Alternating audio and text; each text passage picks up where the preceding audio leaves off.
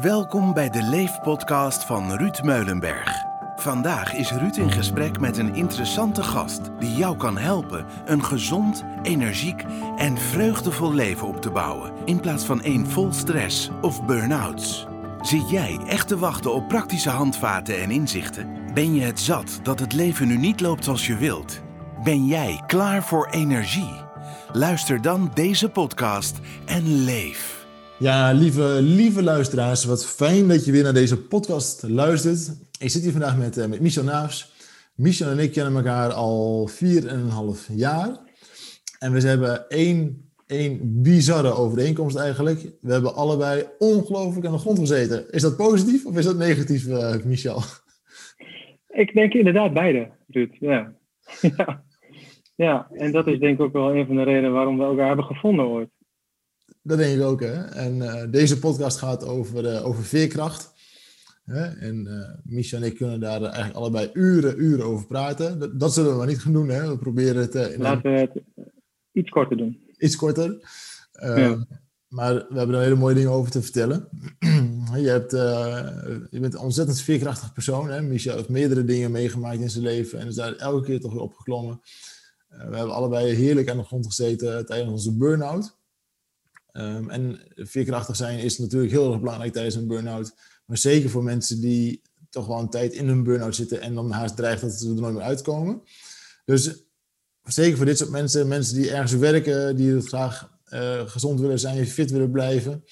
Maar ook mensen die willen herstellen van stress, van burn-out. Ja, veerkracht is in onwijs veel hoedanigheden belangrijk. En daar gaan we het vandaag over hebben. En daar gaan we vandaag een hele mooie boodschap over verkondigen. Toch, Michel? Dat gaan we doen. Dat gaan we doen. Maar laten we eens even bij het begin beginnen, Michel. Want hoe is dat thema ooit in jouw leven gekomen, dat, dat, dat veerkracht? Um, ja, ik, ik, ik denk dat er zijn een aantal ingrediënten. Uh, zo kijk ik ernaar. Hè. Um, hè, je eigen opbouw, van, van, van hoe je wordt opgebouwd, je eigen conditionering. Um, wat je daarin uh, hebt geleerd, hè, qua kennis maar ook wat je daarin hebt opgedaan qua ervaring. Ja. En ik denk dat dat een optelsom is van, van uh, nou ja, uh, leermomenten. Um, maar uiteindelijk raakte ik er wel van overtuigd van, hé, hey, weet je, veerkracht kan je ook trainen. Net als je uh, eigenlijk gewoon een spier, hè, bijvoorbeeld een bicep, kan je trainen, weet je wel. Um, dus ik ben dat, ik, ik ben dat gaan nou ja, ontwikkelen, nou, laat ik het zo maar noemen. Um, maar veerkracht krijg je ook door tegenslagen. En veerkracht krijg je ook door naar uh, je tegenslagen te kijken en er goed naar te kijken en uh, ook te kijken van ja, wat kan ik nou leren van zo'n tegenslag? Ja, hoe kom ik, hè, of hoe, hoe kom ik hier weer overheen over deze, deze tegenslag? En um, ja, ik heb een aantal belangrijke, ja, wij noemen dat live events, hè, van, intense uh, ja, situaties meegemaakt in het leven. En um, een daarvan was het, uh, het doorleven van een, van een scheiding en het afwikkelen van een scheiding. En ik, ik was altijd wel van het sporten en van het bewegen. En um, vroeger was het voetbal. Toen is het een tijdje tafeltennis geweest. Maar uiteindelijk kwam ik steeds meer in het fietsen. En uh, van het fietsen raakte ik steeds meer geïnteresseerd in uh, triathlons doen. En um, ja, ik vond het heerlijk om intensief te sporten. De beesten. Ja, echt te, te beesten. Maar in de winter heb je natuurlijk altijd zo'n moment als je wielrent. Ja, dan is het niet zo veilig op de weg met die, met die glibberige hè, dunne bandjes. En wat ga je dan doen? Dan ga je kijken, oké, hoe kan ik dat een beetje onder wat meer comfortabele omstandigheden, uh, hoe, hoe, lukt me dat? Dus toen ben ik naar, naar de spinning gegaan en ook daar uh, mezelf helemaal gek gefietst natuurlijk. Ja. En op een gegeven moment dacht ik ook van, hé, hey, maar ja, wat diegene daar kan op die fiets, volgens mij, volgens mij moet ik dat ook kunnen. Ik was gek van muziek en uh, ik was gek van fietsen. Dus ja, dat is een hele mooie combi. Ja. Dus um, ik heb uitgelegd aan, aan, aan die eigenaar van die, eh, van die uh, fitness tent. En die zei, oh, we kunnen gewoon mensen gebruiken. Dus nou, zij hebben voor mij die opleiding betaald. En ook daar ging ik natuurlijk weer helemaal los op die fiets. En uh, er, kwamen, er waren soms momenten in de week dat ik naast mijn uh, loondienstbaan, toen werkte ik nog in loondienst, nou, tussen de drie en de vijf uur een, uh, spinningles gaf, ook nog eens een keer. En ik was nog aan het trainen voor triathlons, dus ik zwom nog een, een, paar keer in de week. En ik liep nog een paar keer in de week hard, of jogde nog een paar keer in de week. Um, maar toen kwam het moment dat mijn, nou, mijn huwelijk strandde, zeg maar. Ja. En wat gebeurde er bij mij?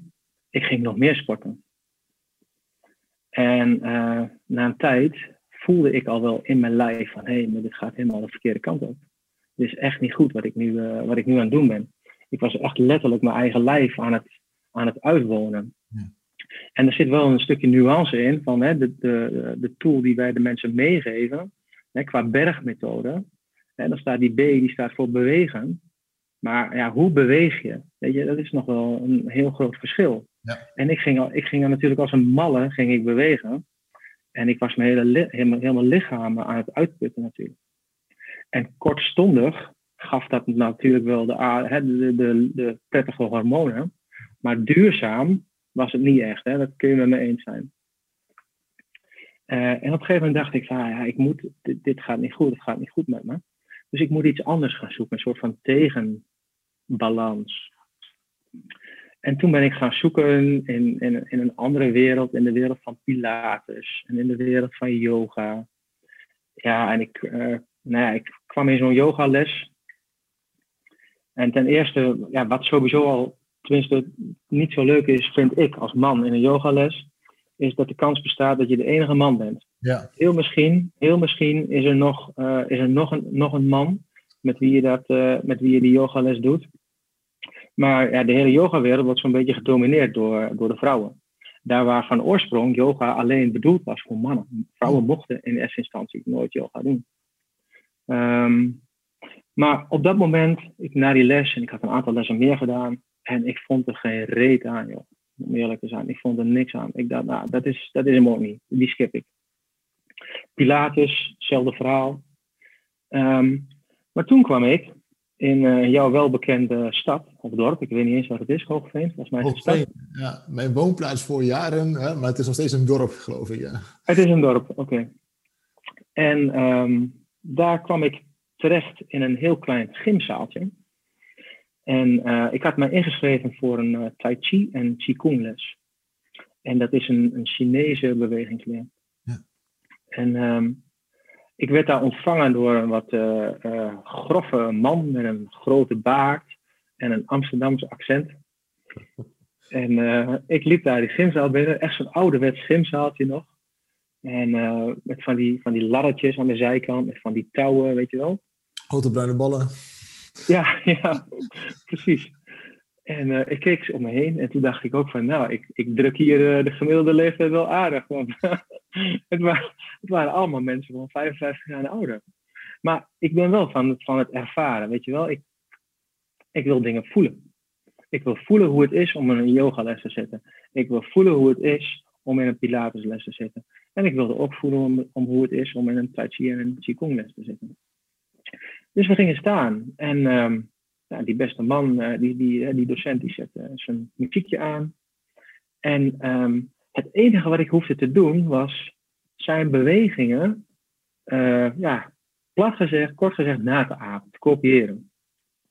En daar gaf hij ook nog bij van, ja, op zo'n moment adem je in en op dat moment adem je weer uit. En ik ging daar staan en die muziek ging aan en we starten. En op dat moment en nu ik erover praat, krijg ik dan nog steeds kippenvel van over mijn lijf. Mooi. Dus dat is een hele mooie ervaring. Uh, maar op dat moment toen voelde ik van, hé, hey, maar dit, dit is wat ik nu nodig heb. Nu. En het boeit me niet uh, hè, dat ik hier uh, als 38-jarige de jongste ben en dat de rest wel 20 jaar oud is. Maar dit voelt goed voor mij nu. Dit wat, voelt, wat, goed. Michel, wat, wat, wat had je precies nodig dan op dat moment? Wat ik nodig had, Ruud, dat was de vertraging. Mhm. En het, het, het, mindful aanwezig zijn in dat moment. Want wat er gebeurde, is dat ik met al mijn aandacht in mijn lijf ging. Dat ik met al mijn aandacht naar mijn ademhaling ging. Dat ik met al mijn aandacht de muziek beleefde. En ehm, dat ik eigenlijk, um, veel mensen zullen herkennen dat je hoofd vaak op aanstaat, weet je wel. Het is heel moeilijk om je, dus we hebben geen uitknopje. Ehm, en daarvan wordt er ook nog gezegd van, ja, mannen, mannen denken iets minder dan vrouwen. en mannen. ja, dat wordt gezegd. Hè. Nou, dat, uh, laten we het daar niet over hebben. Maar er wordt gezegd, uh, grof gezegd, even naar de vingerwerk, maar mannen hebben gemiddeld uh, zo'n 60.000 gedachten per dag. En vrouwen hebben er ongeveer zo'n 80. Nou, dat zijn flink wat gedachten.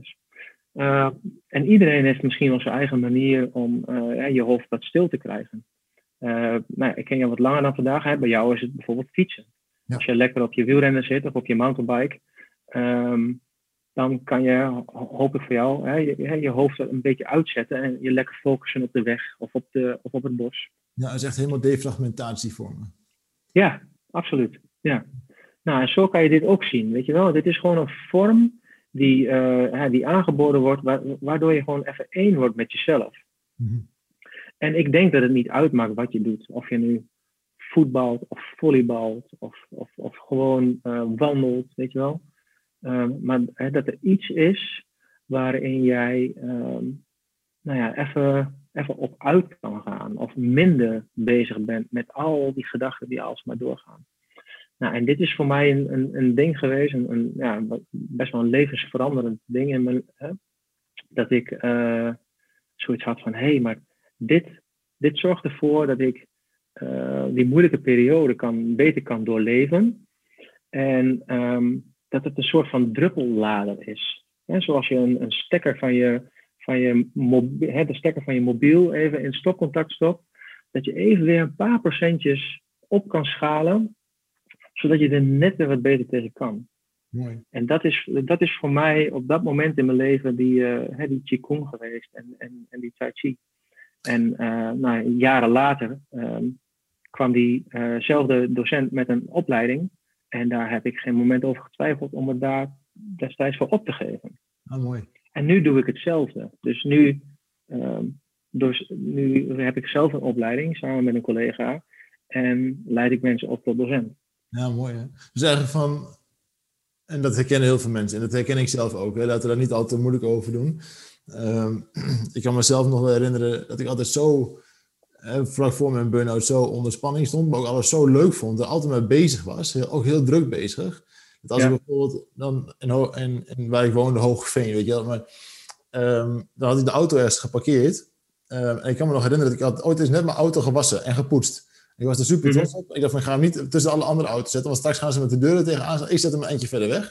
Maar toen zag je de deur van de supermarkt. En toen dacht ik van, ja, dat is een takken eind. Maar ik was super goede conditie. Ik ga gewoon naar de deur toe rennen.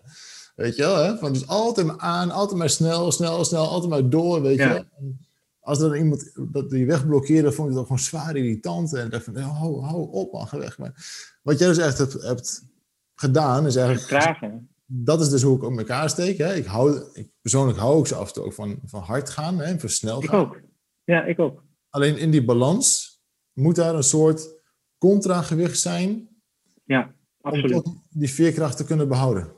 Ja, die was voor mij, en, en het blijkt hè, ook wel voor heel veel mensen natuurlijk, uh, die was voor mij essentieel. Want de maatschappij vraagt nogal veel van ons, hè, laten we eerlijk zijn. Ja. Um, op het moment dat je in loondienst bent en uh, ja, de, de, gemiddelde mens werkt toch tussen de 36 en de, en de, en de 40 uur in de week. Ja. Ja, en dat, dat is best veel. En, en de druk wordt steeds opgevoerd. En moet, er wordt vaak van mensen gevraagd om steeds meer te doen met steeds minder middelen. Uh, steeds minder mensen soms nog wel. Uh, dus de druk wordt echt opgevoerd. En uh, ja, dat merk ik, dat merk jij en dat merken al onze collega's. Um, ja, weet je, op het moment dat je gevoelig bent, dan, dan, dan is er gewoon een kans aanwezig dat je in een burn-out raakt. Of dat je burn-out gerelateerde klachten krijgt. Juist door de druk die, um, ja, die er is.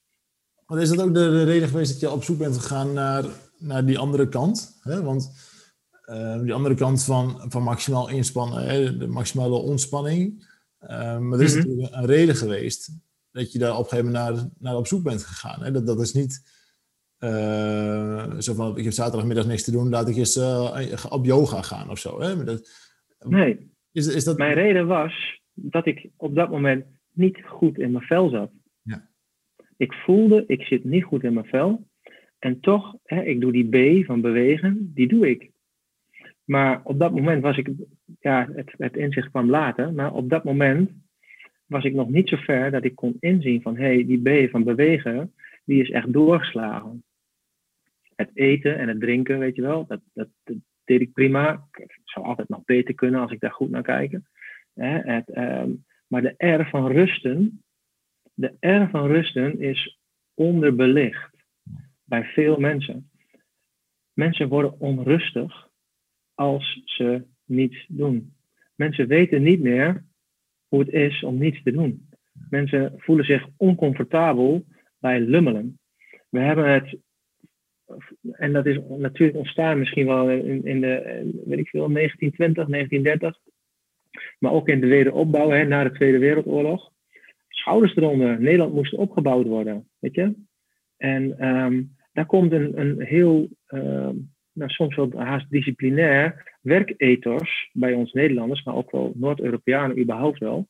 En daar komt het wel, ik weet niet of het daar vandaan komt, maar dat is wel een van de onderdelen waarom wij zo opgevoed zijn zoals we zijn. Ja. En waarom een groot gedeelte een, een, een, een ontzettend hoog werkethos heeft. He, de, de luisteraars misschien de bergmethode, dat is de methode die we gebruiken voor uh, mensen te laten herstellen van stress en burn-out. Dat staat voor bewegen, eten, rust en gedrag. Ja. En even de twee uitlichtend. Uh, bewegen, daar gebruiken we de, de term joggen voor.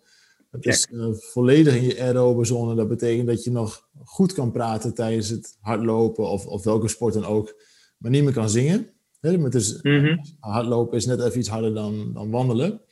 Um, dus dan maak je maximaal endorfine aan. En endorfine zorgt ervoor dat, dat je lijf kun, kan herstellen. Dat je de fijne stofjes krijgt. Dat uh, cortisol wordt afgebroken.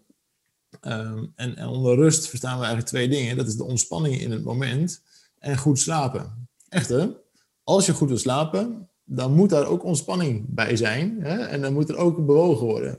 En, en goed gegeten. Hè? Dus ja die, die dingen staan zo in verband met elkaar. Ehm, maar inderdaad, we zien ook heel veel mensen die uh, zeggen: Ik heb een hele drukke baan en het is ook belangrijk om genoeg te bewegen. Maar dat zegt iedereen: hè? Je, moet ook goed bewegen. Mm zeggen, ja, dat, klopt.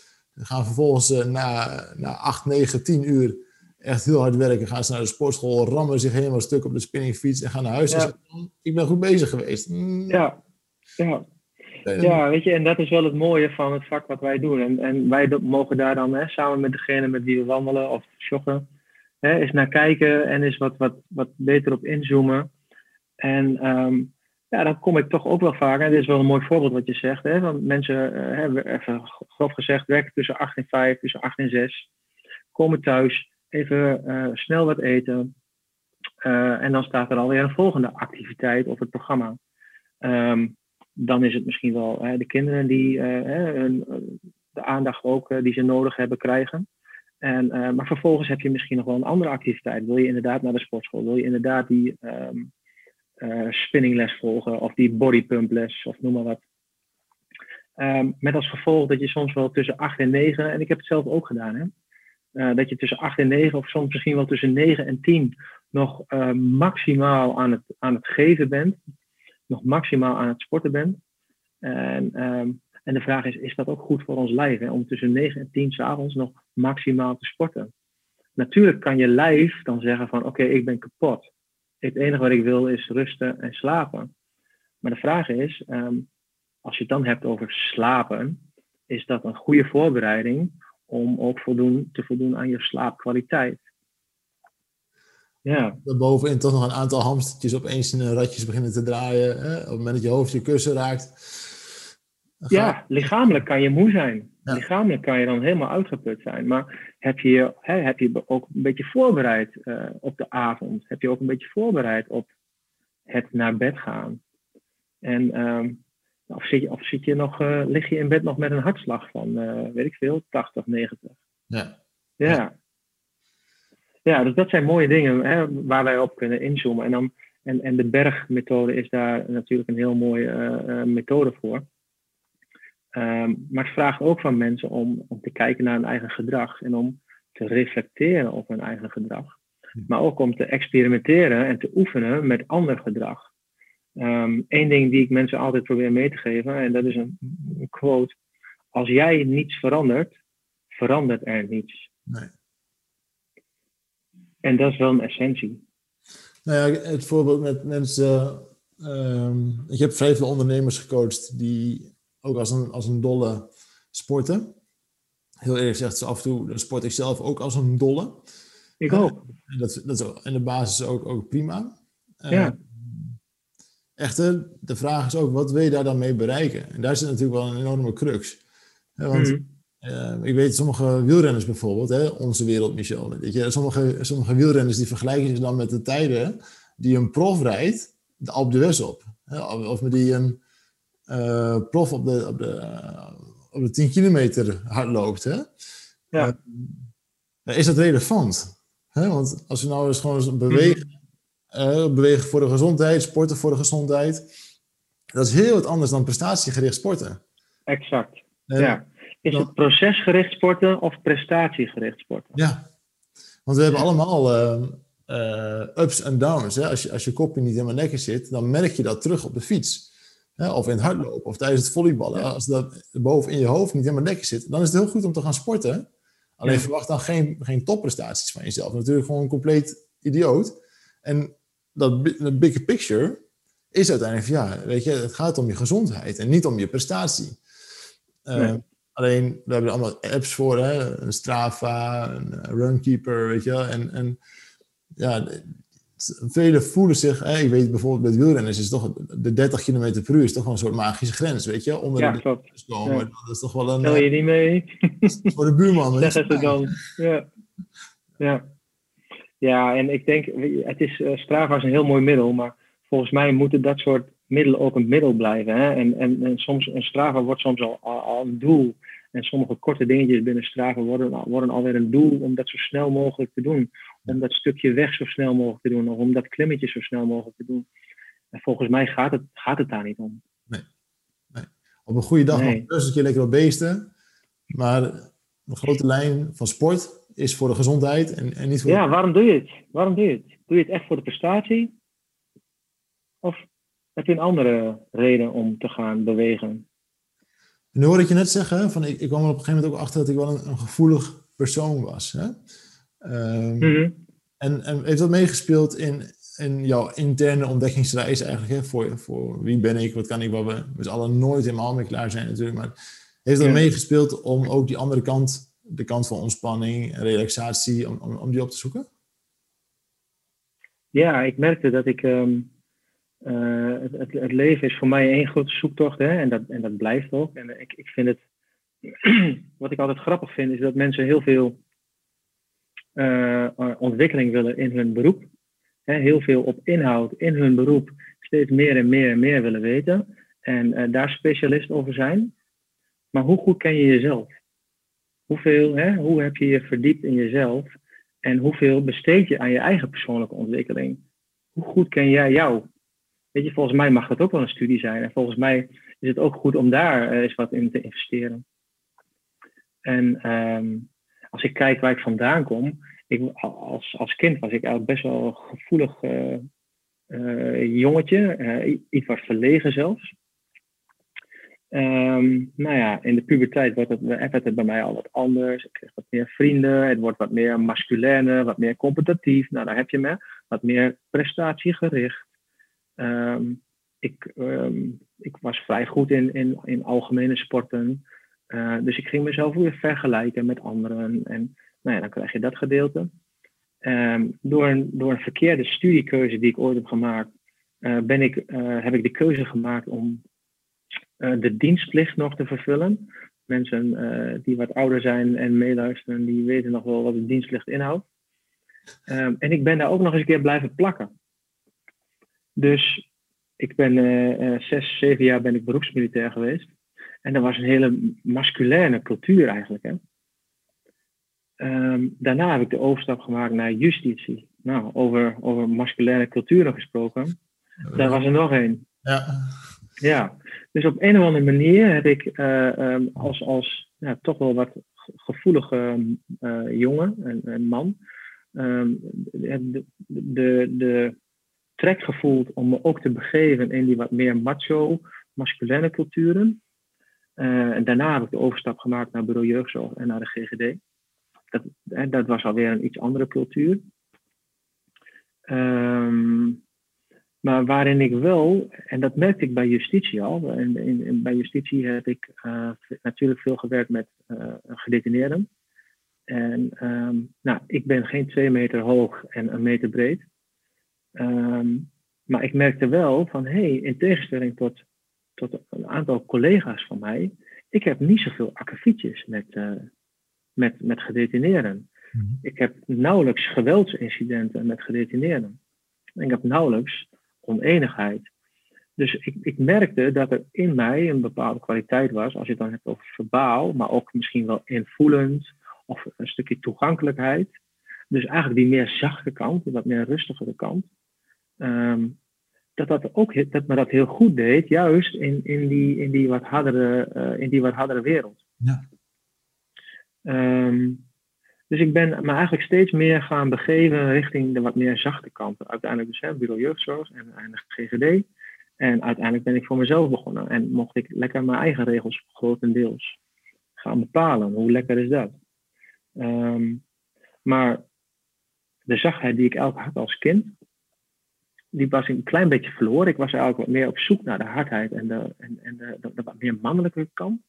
Nou, die heb ik ook wel gevonden, die heb ik ook mogen ontdekken. Er zit ook nog wel steeds in mij. We hebben het eigenlijk over een beetje over een stukje yin-energie en yang-energie. We kennen allemaal wel de yin en yang symbool. En eigenlijk is, uh, ja, dat heeft meerdere, is voor meerdere uitleg vatbaar natuurlijk. Maar je zou hem ook kunnen zien als een, een, een mens. En in ieder mens zit een mannelijke energie en zit een vrouwelijke energie. Alleen het percentage daarvan, hè, dat, dat, dat verschilt gewoon per mens. En het zou best kunnen zijn dat jij bijvoorbeeld als man, Ruud, meer vrouwelijke energie en je hebt dan mannelijke energie. Of andersom. Um, en dat is ook nog eens een keer onderhevig. Ik bedoel, het is niet in statisch iets. Het is wel iets wat continu in ontwikkeling is. En dat heb ik bij mezelf ook gemerkt. Dat ik wel steeds meer die zachtheid mocht gaan toestaan ook in mezelf. Want die zachtheid was een bepaalde kwaliteit in mij die ik uh, nog steeds kan gebruiken. Um, en ook nog steeds heel erg waardeer in mezelf. Dus nu denk je dat iemand die op dit moment luistert en bijvoorbeeld een ondernemer is, uh, leidinggevende of, of die echt in zo'n macho cultuur, hè, apenrotsen zit, hè, ja. van banken, et cetera, et cetera, die zegt wel ja, maar op het moment dat ik mijn, mijn, mijn losgelaten. Als ik niet meer, en dat herken ik heel erg, hè, want ik, ik kom natuurlijk zelf ook uit, uit een salesomgeving. Mm-hmm. Waar het heel erg toch wel draaide om het aantal uren dat je werkte per week. Het aantal kilometer dat je reed per jaar, weet je wel. Hè? Ja. Als je 100.000 kilometer of jaar, per jaar meer reed, nou, dan was je toch, had je een hart van goud voor de zaken, weet je wel. Ja. Nu denk ik van, Ja. hè, want welke idioot staat er in hemelsnaam voor 100.000 kilometer per jaar in de auto? Hè? Daar, daar moet je 10 jaar over doen, zeker niet, eh, niet, meer, zeker niet minder. Ehm, Ja. Waar, hè, iemand die nu luistert, hè, die dan zegt, ja, dat herken ik wel, maar, en dat zou ik ook misschien ook wel willen. Eh, Ja. en, ik zie ook in dat het belangrijk is dat, dat je complementair bent aan elkaar. In jezelf, hè, met alle, alle kanten die je gewoon in jezelf hebt. Alleen voor mij is het niet mogelijk. Hè, dat, dat zou natuurlijk prima kunnen, dat iemand zegt, ja, in mijn, in mijn functie is het niet, niet mogelijk. Hoe, hoe kijk jij daarnaar, eh, Michel? Ehm, nou, de, de, de, de wedervraag die ik dan diegene zou willen stellen is: eh, wat maakt dat je denkt dat dat niet mogelijk is? Dus wat maakt dat jij bijvoorbeeld hè, die zachte kant, die jij ook he- hebt, wat maakt dat jij die niet eh, zou kunnen laten zien? Want welke overtuiging zit daarbij? Of welke ervaring heb je daarin op het moment dat jij een zachte kant van jezelf laat zien? Werd die, werd die bijvoorbeeld afgestraft of eh, eh, afgezeten? Weet je wel? Dat kan maken dat jij die zachte kant juist niet durft te laten zien. Maar volgens mij is het belangrijk dat je gedurende het leven ook op zoek gaat van, ja, weet je, misschien wel de existentiële vraag van, ja, wie ben ik nou eigenlijk? Ehm, dat is een belangrijke. maar daarnaast ook, in hoeverre probeer ik zoveel mogelijk trouw te zijn aan mezelf. Um, dat kan ik wel, uh, hoe zeg ik dat? Uh, dan kan ik een voorbeeld geven van twee cirkels eigenlijk. Als je twee cirkels zou zien die heel dicht bij elkaar zijn. En uh, jij staat in het midden, exact in het midden van de ene cirkel. En in de andere cirkel, daar staat de interactie met het andere mens, laat ik zo maar zeggen. Maar dat kan ook de, hè, de interactie zijn met jouw werkgever. Of die, hè, die andere cirkel kan ook staan voor jouw werkgever. Wat we heel vaak zien bij mensen met een burn-out, of uh, die, die wat wankelig zijn, is dat ze uiteindelijk, en laat ik vooropstellen, wat ik altijd zeg, hè, mensen die in zo'n situatie zitten, die verdienen altijd een compliment. Hè. Mensen die in een burn-out zitten, verdienen een vet compliment. Want die, zijn, die hebben vaak een werkethos van ik weet niet hoeveel. Zeker, ja. Ontzettend loyaal en betrokken.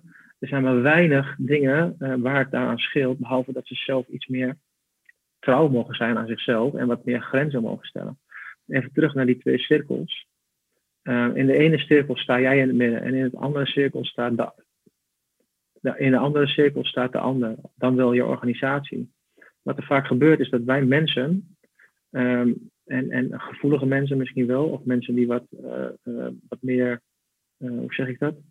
Erkenning en waardering nodig hebben, steeds meer die cirkel groter maken aan één kant en steeds meer bewegen naar de andere mens toe of naar de andere organisatie toe. En die herken ik voor mezelf heel sterk. En wat gebeurt op een gegeven moment, kijk je achteruit en dan zie je dat je eigenlijk niet meer in je eigen cirkel staat. Je bent wel dichter bewogen en je hebt je wel meer aangepast naar de andere mens of naar de organisatie toe. Maar je eigen essentie, de, de, de trouw blijven aan je eigen cirkel, daar sta je niet meer in. En hoe mooi is het dat je, um, dat je daarin kan blijven staan, weet je wel? En dat je dat onderzoek gaat doen van hey, hoe kan ik in mijn eigen cirkel blijven staan? En hoe kan ik uh, uh, van mezelf vinden dat ik goed genoeg ben, dat ik mezelf waardeer. En los daarvan doe ik gewoon lekker mijn werk. Of heb ik de relatie met de ander. Ik ben gewoon goed genoeg voor wie ik ben. In plaats van dat ik altijd, altijd degene ben die me loopt aan te passen. Want in hoeverre, Spreek ik uit ervaring. In hoeverre is dit gerelateerd aan veerkracht, Michel? Want waar, waar ligt die relatie? Want dat het belangrijk is dat je trouw bent aan jezelf, dat, dat, dat, dat, dat volledig waar. Hè? Ja. Waar ligt die relatie nou met veerkracht? Ik denk in een stukje bewustzijn en een bewust worden. En eh, de balans die je daar voor jezelf in aanbrengt. En um, die is voor ieder uniek, maar die moet je voelen. Op het moment dat jij voelt, en dat is met een burn-out ook zo, op het moment dat jij voelt van hé, hey, ik ben te veel aan het geven, ik ben te veel aan het bewegen naar de ander toe, en dit kost me energie, in plaats van dat het neutraal is of dat, of dat het me energie oplevert. Um, dus dat je daar voor jezelf naar kijkt, dat je daar bewust in bent, dat je dat gesprek ook met jezelf hebt. Dus eigenlijk dat je kijkt dan komen we weer terug op die G van de berg. En dat je kijkt naar je eigen gedrag daarin. En, um, en soms hebben we blinde vlekken. En dan zien we dat niet. En onze leidinggevende vindt het allemaal wel prima dat, jij, uh, hè, dat je zo werkt zoals je werkt. En dat je uh, alles over hebt voor de organisatie. Um, en je collega's zullen het misschien ook niet zien. En soms is het wel fijn dat er dan bijvoorbeeld een coach is of een vriendin of een vriend die zegt van hé, hey, maar waar ben jij eigenlijk mee bezig joh? Ja. Om een idee te geven, want we zitten helemaal op één lijn. Hè, en ik denk dat wij allebei herkennen, Michel, is dat we, we zeiden net al eventjes, dat het ook heel, heel erg lekker is om zo af en toe heel, heel hard te werken, om heel hard te sporten. Ja. Uh, en ook, hè, om mezelf goed te leren kennen, ik krijg daar zelf maximaal veel energie van. Hè. Ik gaf laatst ook even een voorbeeld over een podcast, of sorry, over een webinar dat ik gaf uh, met 1700 mensen. Nou, dat is voor mij ja. nieuw. En later visualiseerde ik dat even. Er was een, een vol carré. En nou ja, als ik een vol carré zou hebben, dan zou ik toch wel een paar dagen wat aan de, aan de, aan de diarree zijn, eerlijk gezegd. Uh, ja. Maar ik weet ook gewoon, dat levert me aan de ene kant heel veel energie op. Uh, vervolgens krijg ik ook drie dagen lang 150 mails per dag, hè, die allemaal ja. beantwoord moeten worden. En dat wil ik natuurlijk met volle overgave ook gewoon doen. En ik vind het heerlijk. En ik heb alle reacties, jongen, hè, mijn ego groeit met, met, met de seconde dan. Hè, dus, ja. waar is. Maar ik weet ook gewoon, wil ik dat wil ik die energie hoog houden? Wil ik dat, dat kunnen blijven doen en kunnen blijven geven? Wat, wat dus voor mij belangrijk is en waar ik ook een klein beetje de, de wereld mee dien, dan zal daar iets tegenover moeten staan in de zin van ontspanning. Ja. Om mijn, mijn geest weer eens even tot rust te laten komen, dat mijn lijf tot rust komt en dat ik ook even zeg van, zo, nou weet je, dan, we zitten nu met, met 50 mensen in zo'n WhatsApp groep, hè, dan, dan, dan stuur ik weer een, een WhatsAppje van jongens, de komende dagen lig ik in mijn hangmat en, en val mij even niet meer lastig.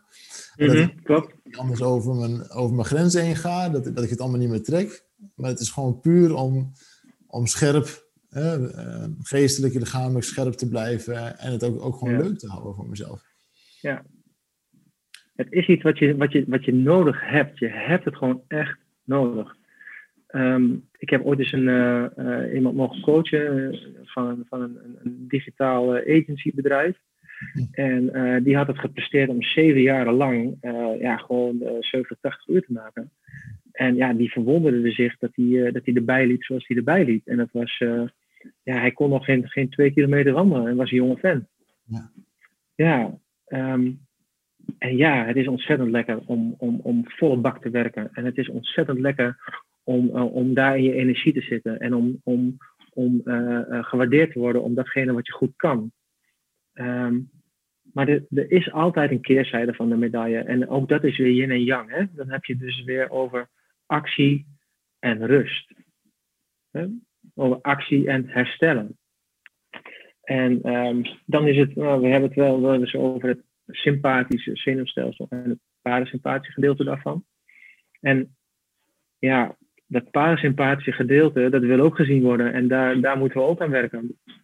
En dat is het, eh, in het Engels hebben ze daar een heel mooi woord voor. Dat noemen ze het rest and digest hè, Ja. gedeelte. En ehm, ja, die is minstens zo belangrijk dan het sympathische gedeelte. Mooi, hè? La- laten we eens over nadenken. Eigenlijk is dat een beetje in, in, het, eh, in het Nederlands wordt het ook wel gewoon gezegd: je gaspedaal en je rempedaal van je, van je lijf. Hè? Ehm, Ja. Veel mensen proberen die tegelijkertijd in te drukken. Dat, dat, dat, dat gaat niet, hè? dus dat wil niet. Mhm. Ehm, maar moet het dan gelijk, eigenlijk zeg, zeg om, om de sfeerkracht, veerkrachtig te zijn en te blijven, is het ook goed om eens even op je rempedaal te stampen en zeggen van, eh, of, of nou voor die te gebruiken en misschien ook met heel veel liefde of aandacht. Mhm. Ehm, sommige mensen zullen misschien echt yoga, qigong wel wat zweverig vinden of wat, wat ver Ja. van het hè? Ja. Ja. Als we het heel praktisch willen maken, als, als mensen nou willen werken aan hun veerkracht, Michel, waar Ja. moet je beginnen? Wat is stap 1? Ja. Nou, je, je sprak net al over een, een gaspedaal en een rempedaal. Eh, maar er zit nog iets boven. Ik weet niet of jij weet wat er boven de gaspedaal en een rempedaal zit. De bestuurder. Ja, het stuur en de bestuurder. Precies. En waar het om gaat is, is dat jij dat stuur vasthoudt. En je kan dat stuur eh vastknijpen. En, en, en alle controle willen houden en, en, en eh, helemaal aangespannen in je auto zitten. Maar je kan het stuur ook wel wat losjes vasthouden en wat meer ontspannen vasthouden. En eh, het gaspedaal misschien iets minder hard intrappen. Ehm, weet je, op het moment dat je in de auto van Max Verstappen zit en je trapt het gaspedaal maximaal in, dan geef ik je op een briefje, heb jij geen tijd om linksom of rechtsom te kijken of er nog iets leuks te zien is. Het enige waar jij aandacht voor moet hebben op dat moment is, hoe hou ik die auto op de weg? Eens? Zeker. Ja, oké. Op het moment dat je het gaspedaal wat losser laat en het stuur wat uh, ontspannen in je hand houdt en in de bocht eens een keer rustig op de rem trapt en langzaam die bochtjes neemt, dan kan je ook eens links of rechts kijken van hé, hey, wat is er voor moois nog meer allemaal te zien? En dan kom je toch weer op dat stuk van uh, prestatie en proces. Um, maar alles valt en staat wel bij heel veel uh, zelfregie en, en, en uh, self-management. Dus eigenlijk wat je zegt, hoe meer gas je geeft, des te meer je ook moet remmen. Om uiteindelijk die ja. balans in de gaten te houden. Ja, als je heel veel gas gaat geven, dan um, ja, je, uiteindelijk kom je toch bij een bocht. En ja, we zijn niet allemaal Max Verstappen die uh, hè, met een, misschien een hele lichte touch uh, op de rem die bocht kan nemen. Dus nou, dan zullen we ook heel hard moeten gaan remmen. Ja. En de vraag is of dat duurzaam is. Volgens ja. mij kan je beter je, je, je tempo iets aanpassen.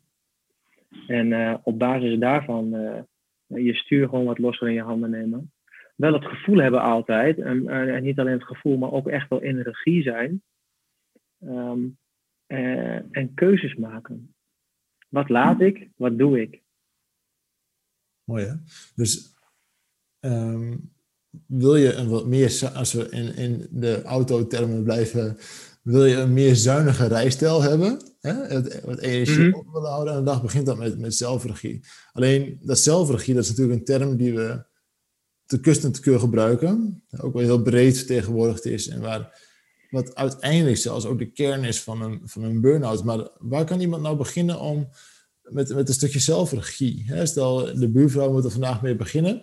En, en de mhm. mensen die, die luisteren nu denken, oh wacht eventjes, nu, nu, nu komen we op de kern, nu, nu gaat het erover, ik zet de auto langs de kant, ik, ik stap van mijn fiets af, ik ga even iets beter luisteren. Waar iemand... Ja. Ik snap waar je naartoe. Weet je, maar waar wij denk ik altijd, uh, waar iedere coach op, op, op hamert, uh, uh, is natuurlijk het maken van kleine stapjes. Ja.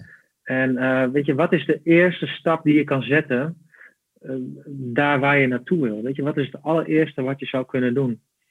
Um, en vervolgens is er eigenlijk maar één mogelijkheid, en daar kunnen wij als coach dan vaak hè, bij helpen, is het ook daadwerkelijk doen.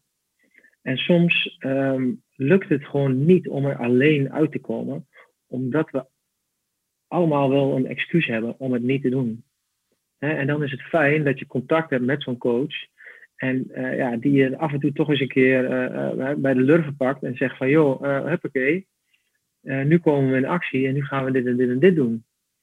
Um, dus uiteindelijk, je moet dingen gaan doen. Je moet dingen gaan veranderen.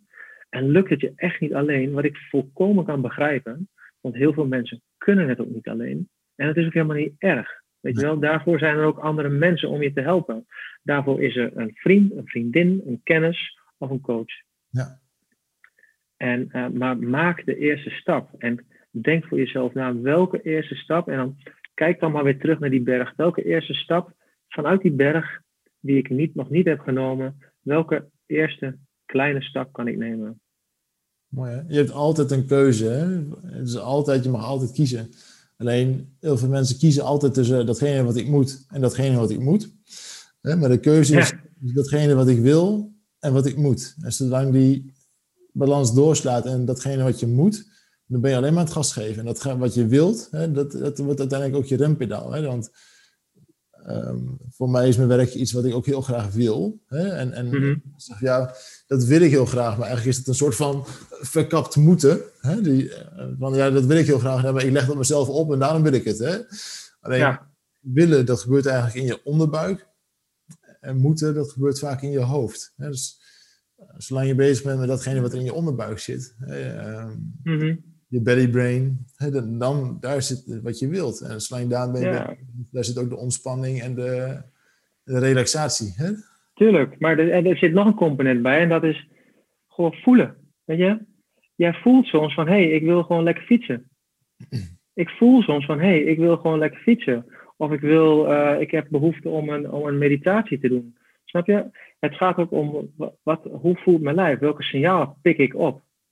En uh, dus we hebben uh, moeten. En, en moeten is, uh, sommige dingen moeten gewoon. Daar kunnen we ook heel eerlijk en reëel over zijn. Ja. Kunnen we niet anders. Kunnen, we komen niet van los. Um, er zijn ook dingen die we willen. Maar er zijn ook dingen die we voelen. Ja. En dingen die we voelen is ook belangrijk om daar gehoor aan te geven. Mooi hè? Als nou eens mensen drie, drie hele praktische zaken mee zouden kunnen geven. Hè? Om, om vandaag meer... Om eens, te, om eens te gaan remmen. Ja. Je had het net even over meditatie. Nou, ik weet bijvoorbeeld mm. meditatie bij mij, als ik ergens moet gaan zitten en ergens zo diep over na moet gaan denken, dat werkt niet. Maar als ik gewoon met de mm-hmm. op pad ben en hier bij ons de bergen, de heuvels in loop, ja. Uh, dan gaat mijn gedachten heerlijk. Hè? Dan moet ik zelfs even blijven staan, even eerst naar kijken. Dus eigenlijk is dat mijn, mijn meditatiemoment, hè? gewoon de gedachten ja. in loop laten. Ja. Uh, met een bepaalde focus, hè? dat is vaak wel handig. Uh, mm als je nou twee of drie dingen zou kunnen noemen, eh, Michel, wat, wat, wat vind jij nou echt goed werken? Nou ja, weet je, bovenal vind ik, uh, en dat is natuurlijk inmiddels ook al meerdere malen wetenschappelijk bewezen, is wandelen natuurlijk bij uitstek hartstikke goed om uit een stressvolle periode te komen. Of hè, te werken aan je burn-out. En het klinkt zo simpel, hè, ga wandelen. Ehm, maar je kan daarin wel ook een keuze maken terwijl je wandelt. Hè? Ehm, wat je eigenlijk wil voorkomen terwijl je wandelt, is dat je hoofd nog continu op aanstaat. En dat je 388 eh, eh, eh, onderwerpen langs moet gaan terwijl je aan het wandelen bent. Dus één is, je maakt de keuze, oké, ik ga wandelen. En twee is, hoe ga ik dan wandelen? Weet je, ehm, laat ik mijn brein volledig op aanstaan en ga ik inderdaad die 388 onderwerpen, ga ik daarmee aan de slag? Of ga ik met een bepaalde intentie die wandeling in? En kies ik bijvoorbeeld één thema voor mezelf, wat me nu bezighoudt, wat ik ga ontrafelen. Elke keer als ik afgeleid raak en er komt weer een ander thema binnen, die parkeer ik en ik ga weer terug naar het ene thema van wat ik heb met mezelf heb afgesproken. Dat thema, dat ga ik vandaag behandelen tijdens deze wandeling. Nou, dat is denk ik iets heel moois, want er is altijd wel iets in ons brein wat aandacht vraagt. Of er is misschien wel een zorg hè, waar we over na willen gaan denken, waar we over met onszelf in gesprek willen gaan. Kies voordat je gaat wandelen. Oké, hoe gaat mijn wandeling eruit zien? Kies ik een bepaald thema? Laat ik alles gaan voor wat het is? Of ga ik gewoon echt genieten van wat ik zie? Ben ik nog meer mindful aanwezig in mijn lijf? Ehm, hoe adem ik? Uh, zit mijn adem heel erg hoog? Zit mijn adem heel erg snel? Zit mijn adem lager hè? En, en langzamer? Ehm, ja, wat zie ik om me heen? Aan, aan, aan dieren, aan natuur. Weet je, dus het is ook welke, waar gaat mijn aandacht naartoe? Dus waar kies ik voor? Mooi. Ik denk dat dat een hele mooie is. Um, nou, en dan zijn het eigenlijk drie dingen. Hè? drie voorbeelden van, ja, kies ik voor, voor die 388 dingen en, en, en laat ik dat mijn hoofd passeren? Met de kans dat ik na de wandeling nog steeds daar nergens verder in ben. Kies ik voor een thema wat ik voor mezelf uh, ga behandelen en met mezelf in gesprek ga tijdens die wandeling waar ik ook een stukje mee, mee verder ben gekomen in gesprek met mezelf. Uh, of drie, kies ik ervoor om gewoon even te genieten van het proces van de natuur. Uh, in dit geval uh, komen we, zitten we in de winter en gaan we heel langzaam weer naar de lente toe. Kijk eens om je heen, weet je wel, wat zie je? Ontstaan er al knoppen? zie je alweer bladeren groeien? hoor je alweer vogels? Nou ja, eindeloos.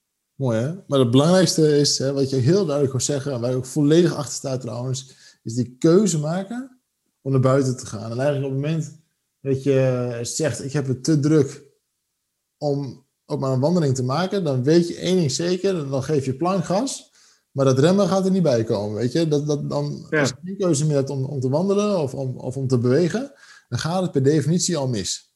Ja, dus Klopt. Als je, als, je, als, je in jouw, als, jou, als je in jouw volle agenda geen 10 minuten vrij kan maken of 20 minuten vrij kan maken voor een wandeling, dan zit er iets niet goed in je tijdschema. Nee, mooi hè. Dus wil je meer veerkracht in je leven, dan is het allerbelangrijkste dat je die keuze maakt om ook die zachte kant op te zoeken. De kant van ontspanning, van persoonlijke ontwikkeling, van binnengaande, van leren voelen. Maar dat kan alleen maar als je de keuze maakt om er daar ook daadwerkelijk mee bezig te gaan. Hè? Dat je het besef krijgt dat het niet altijd hard kan, dat daar ook iets tegenover moet staan en dat dat samen complementair is aan elkaar. Ja, exact. Michel, als je nou één gouden tip mag geven aan mensen die dit echt ongelooflijk moeilijk vinden. Weet je, die hebben zoiets, oké, ja, ik snap het wel, maar ik vind het gasgeven, ah, hartstikke leuk. Ik word er ook door gekend. Ik heb daar mijn hele identiteit op gebaseerd. Ja. Waar, wat, wat moet ik in nog nog gaan doen? Ik, het lukt mij niet. Wat moeten ze doen, Michel? Ja. Nou, dan wil ik toch afsluiten met, uh, met eigenlijk gewoon een, een, klein verhaaltje. Mag dat? Ja, zeker. Ja? Oké, dan, dan kom ik op het verhaal van, van, van twee koks en um, beide koks zijn, uh, die hebben de opdracht gekregen om te werken aan de mise en place. Hè? Je weet je wat de mise en place is? Nee. Oké, dat is eigenlijk al het voorbereidende werk, het snijden van alle groenten, het fruit, al het voorbereidende werk wat je al gedaan kan hebben voordat de keuken echt open gaat, zeg maar. Of dat je hè, al voor, terwijl de keuken open is, dat je alweer wat voorbereidend werk doet voor de volgende benodigdheden die je hebt. Dus die koks die zijn uh, in de ochtend al heel erg druk met uh, het werken aan die mise en place. En beide hebben hun eigen blok met hun eigen mes en zijn gewoon lekker uh, muziekje aan en lekker aan het werk. En na een uurtje begint die ene kok die begint wat te mopperen. En, en, en zijn mes wordt wat bot. Weet je wel, hij zegt, god, samen mijn mes wordt bot en ik kom er niet meer goed doorheen. En uh, ah, nu alweer, weet je wel. Maar hij blijft al mopperend, blijft hij gewoon al die dingen snijden, al die wortels snijden, al die groenten snijden. Maar het gaat niet meer zo lekker, het gaat niet meer zo soepel. Maar hij blijft gewoon, hij, hij doet het met kracht en met, met, met hardheid en met, met negativiteit en met gemopper. En um, de andere kok, die is ook bezig met die mise en place. En die merkt exact hetzelfde. Weet je, oh, weet je, mijn mes begint een beetje bot te worden. En, en wat, doet die kok? Die pakt een stoel en die gaat erbij zitten. En die pakt zijn messenslijper. En die neemt even, echt even een paar minuten om het mes even heel rustig met alle aandacht weer lekker scherp te maken. En wat gebeurt er? Die kok gaat weer aan het werk, zijn mes is weer vlijmscherp en hij is nog sneller klaar dan die mopperende, negatieve uh, andere kok van wiens mes bot is. Dus ja, weet je, hoe wil je je werkdag doorbrengen? Fantastisch. En daar wil ik eigenlijk mee afsluiten. Ik denk dat we geen betere afsluiting kunnen hebben, Michel. Ja? Heel hartelijk dank, uh, Michel, voor, uh, voor jouw levendige uiteenzetting over, uh, over veerkracht. En bedankt dat je de tijd hebt genomen om ook mensen daar weer mee te verrijken. Superleuk, we zijn alweer... Heel graag gedaan, vanuit het hart. Ruim drie kwartier verder zie ik. Het is ongelooflijk als we toch ook beginnen te kletsen samen. ja, dat, dat gaat flink. Mooi man. Lieve, lieve luisteraars, als je dit nou echt een fantastische podcast vindt, of stel dat je kent, je kent iemand hè, die dit echt absoluut nodig heeft, iemand die meer veerkracht kan gebruiken in zijn leven, eigenlijk wie kan dat niet? Hè, deel deze podcast dan met diegene. Um, deel ook even uh, een, een, review of een beoordeling of wat je ook maar kan verzinnen op het platform waar je deze podcast op luistert. Als je meer informatie wilt, kun je die mailen natuurlijk naar info-apenstaatje ruudmeulenberg.nl. Dan zal ik zorgen dat je vraag binnen 24 uur beantwoord wordt. En, en ja, ik wil heel, heel graag bedanken Michel voor deze podcast. En ik zeg alvast tot de volgende keer. Dankjewel voor het luisteren naar de Leef podcast. Wil je meer weten over stress of burn-out? Meld je dan aan voor onze podcasts of bezoek onze website. Vind je dat meer mensen deze waardevolle informatie moeten horen? Deel dan je mening en beoordeel deze podcast. Samen werken we aan een beter leven na je burn-out.